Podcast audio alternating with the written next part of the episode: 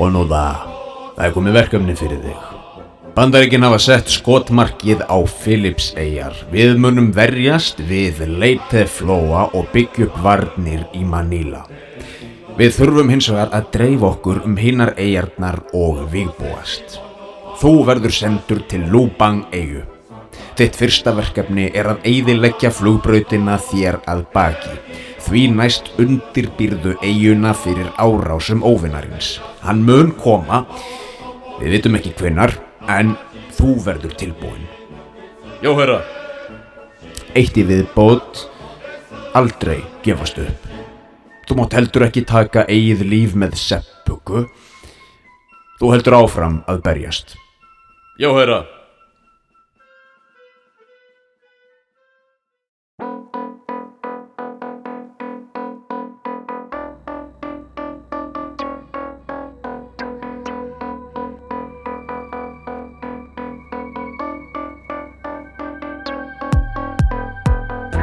Gott fólk, verið velkomin í þátt númer 69.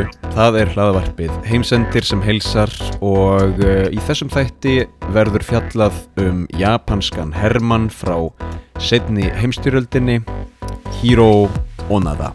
Hiro Onada er frægastur fyrir uh, það að hafa gefist upp uh, hvað seinast um, hann dró stríðið út, hann í raun háði sitt eigið stríð að einhverju leiti mörgum árum og áratögum eftir að Japan gafst upp í setni heimstyrjöldinni árið 1945.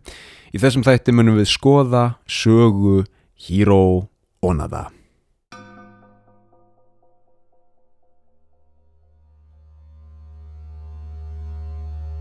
Hiro Onada fættist í Wakayama í Japan árið 1922.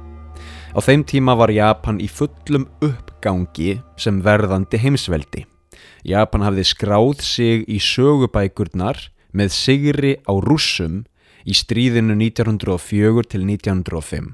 Það var í fyrsta sinn sem Asíst veldi sigraði evróst heimsveldi þess tíma allavega í orustu. Eitthvað sem kom mörgum vesturlandabúum mikið á óvart.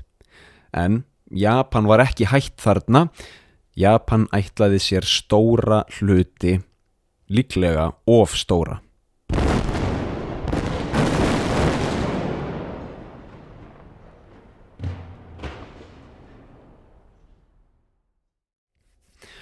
Gott fólk, þetta er áskriftar þáttur, hann er í áskrift á patreon.com skástrygg heimsendir, ég mæli reyndar með að hlusta á í Patreon appinu.